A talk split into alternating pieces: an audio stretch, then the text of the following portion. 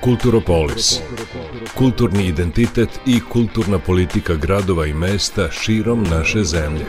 Kako su nekada izgledali, po čemu su danas prepoznatljivi i u kom pravcu će se razvijati u budućnosti. Na proputovanju sa Ivanom Maletin Ćorilić.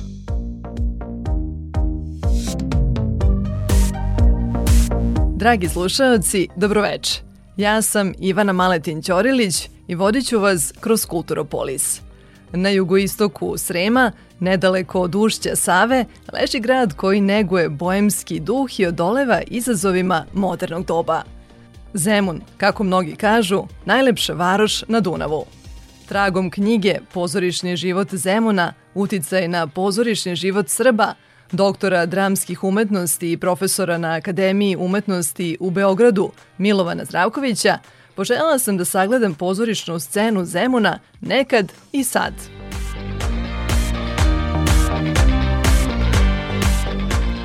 Pet decenija pozorišta Lutaka Pinokio i četvrt veka opere i teatra Madlanijanum učinili su mi se kao dobar povod. Kako se u knjizi navodi, pozorišni život Zemuna u prošlosti bio je vrlo dinamičan i plodotvoran, što je uslovilo značajne rezultate, visok nivo produkcije i pojavu velikog broja pozorišnih stvaralaca. Snažno je uticao i na pozorišni život kulturnih centara ondašnje Evrope, Novog Sada, Beča, Pešte i Temišvara, ali i Beograda, Kragujevca, Smedereva, Požarevca, Geografski položaj blizina Austro-Ugarske monarhije sa jedne i Turske carevine sa druge strane predodredio je Zemun da bude kapija između dve civilizacije, istočne i zapadne. U razvoju pozorišne scene ključne uloge imali su Joakim Vujić u prvoj, a Zemunsko srpsko dobrovoljno pozorišno društvo u drugoj polovini 19. veka – Otac srpskog teatra boravio je u Zemunu u više navrata, gde je radio i kao učitelj. Osnovao je pozorišnu trupu i postavio temelje tamošnjeg pozorišnog života. Objašnjava autor knjige Milovan Zdravković. Jedno 5-6 su osnivali trupe grabovački, tako dalje, tako dalje, ali nijedna nije bila tako kvalitetna i nijedna nije imao takav zanos koliko imao Joakim. Jer Joakim govorio 12 jezika. Joakim je bio vrlo obrazovan. Mnogi to ne znaju. Znači, i u crkvi uve novine, i u društvu, i u pedagogiji, a naročito u pozorištu, jer je on poseo tu klicu radosti pozorišnog života. Prva srpska pozorišna institucija u Zemunu bilo je Zemunsko srpsko dobrovoljno pozorišno društvo, osnovano 1885. godine. Njegova glavna misija bila je podizanje nivoa opšte kulture i obrazovanja građanstva, razvijanje nacionalne svesti i posticanje razvoja tradicionalnih srpskih, titorskih i dobrotvornih aktivnosti. Po repertoaru nije nimalo zaostajalo za drugim teatrima – po istom modelu kako se osnivala pozorišta u tog vremena u, u svetu. Znači, repertoari su bili vrlo kvalitetni, svetski, od, od Šekspira, Molijera, Getea i do naših Trivković, e, Sterija iz tog vremena, Laza Kostić, sve to igrano u Zemunu.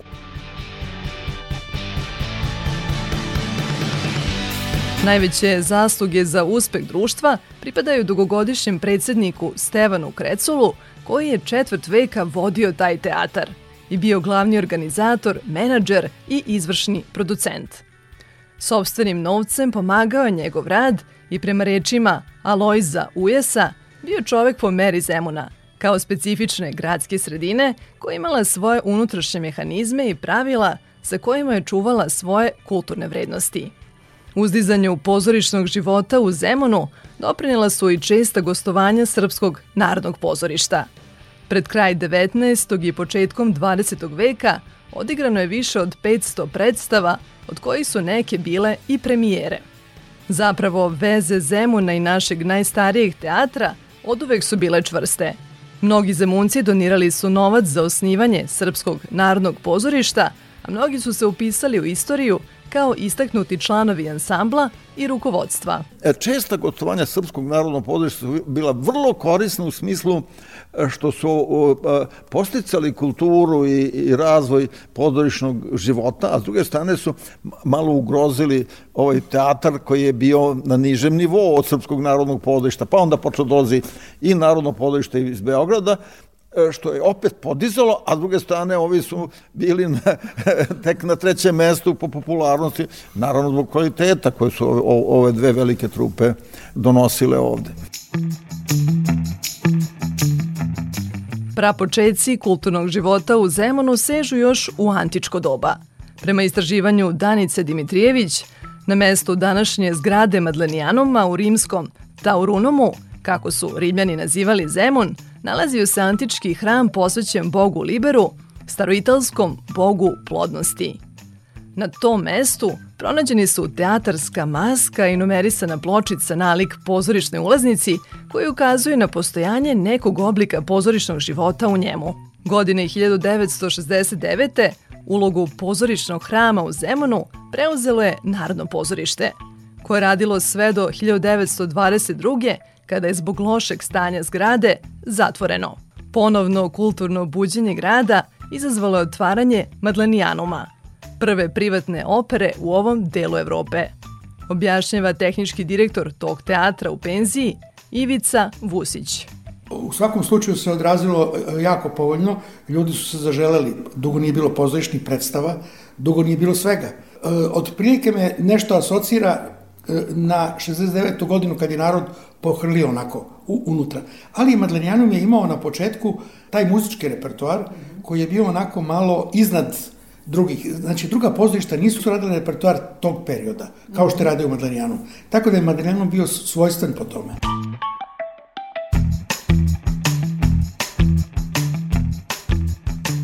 U Madlenijanomu, koji danas slavi četvrt veka postojanja, najpre su se održavale operske i baletske predstave. Od samog početka pridobile su naklonost publike. E, napravljene su dve baletske predstave koje su tad nosile baletski život unutar Beograda sigurno. To je bio Orfej u podzemlju, koji je e, dobio neke nagrade u tom trenutku. Sa tom predstavom smo e, gostovali i po inostranstvu. Nižinski ovaj je isto bio vrlo kvalitetan balet. Sa njime smo odmah počeli da gostujemo i po Rusiji i po Mađarskoj. To je bilo jako, jako kvalitetno. Kulturopolis.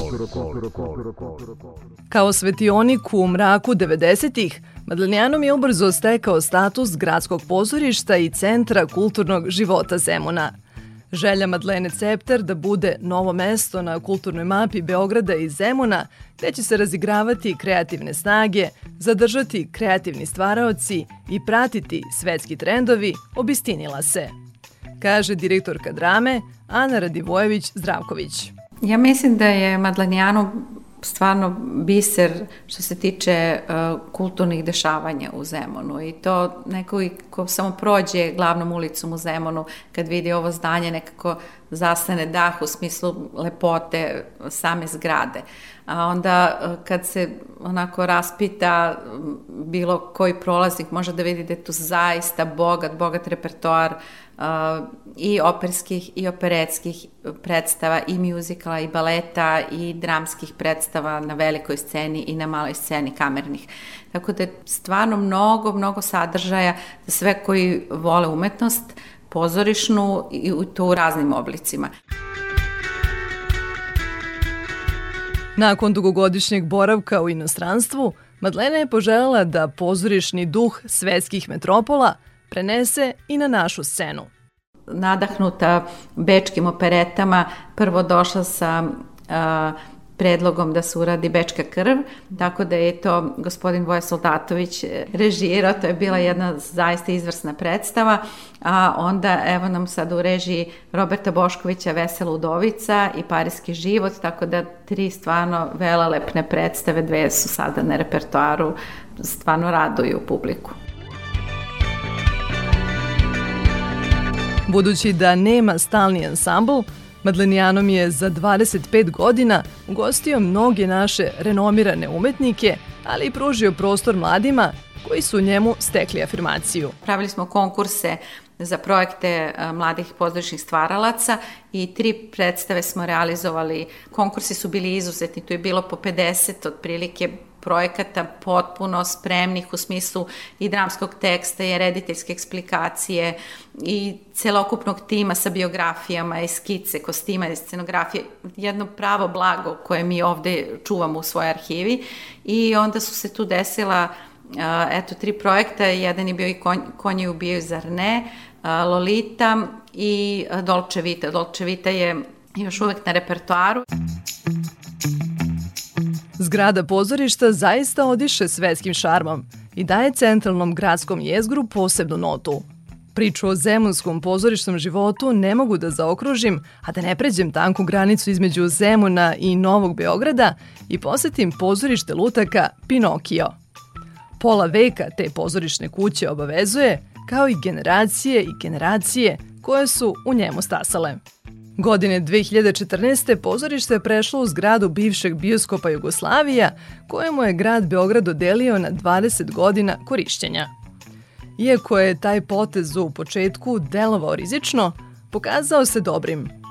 Jedino profesionalno pozorište lutaka u Beogradu dobilo je bolje uslove za rad, kao i novu publiku. Objašnjava dugogodišnja članica ansambla Dragana Vasić desilo se nešto čudesno preseljenjem u ovu zgradu uh, koja se nalazi kod starog Merkatora i koja je u stvari samo dva kilometra daleko od, od prethodne zgrade. Uh, mi smo dobili ogroman broj gledalaca i jako veliki broj ljudi uh, dolazi želeći u stvari da svom detetu podari tu čaroliju pozorišta. U velelepnoj sali nekadašnjeg bioskopa Jugoslavija Sedim sa Draganom u gledalištu na koloritnim sedištima koje je donirala fondacija Novak Đoković. Magiju pozorišta osjećam već pri prvom pogledu na scenu.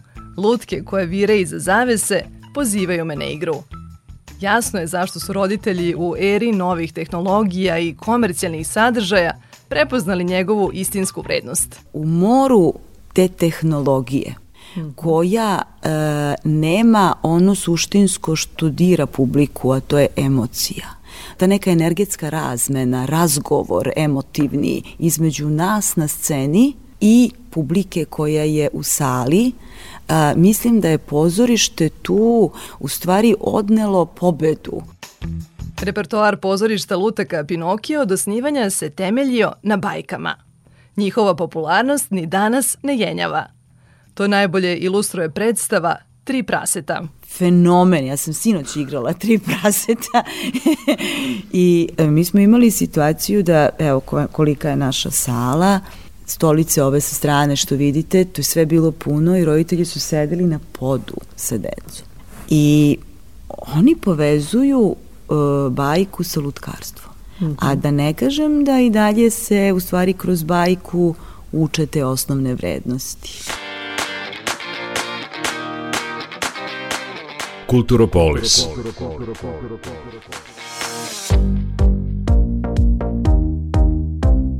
Posetom Pinokiju završavam boravak u Zemunu. Očarana energijom ljudi koji kreiraju njegov pozorišni život i aktualnim naslovima, pažljivo proučavam repertoar u želji da se ponovo vratim.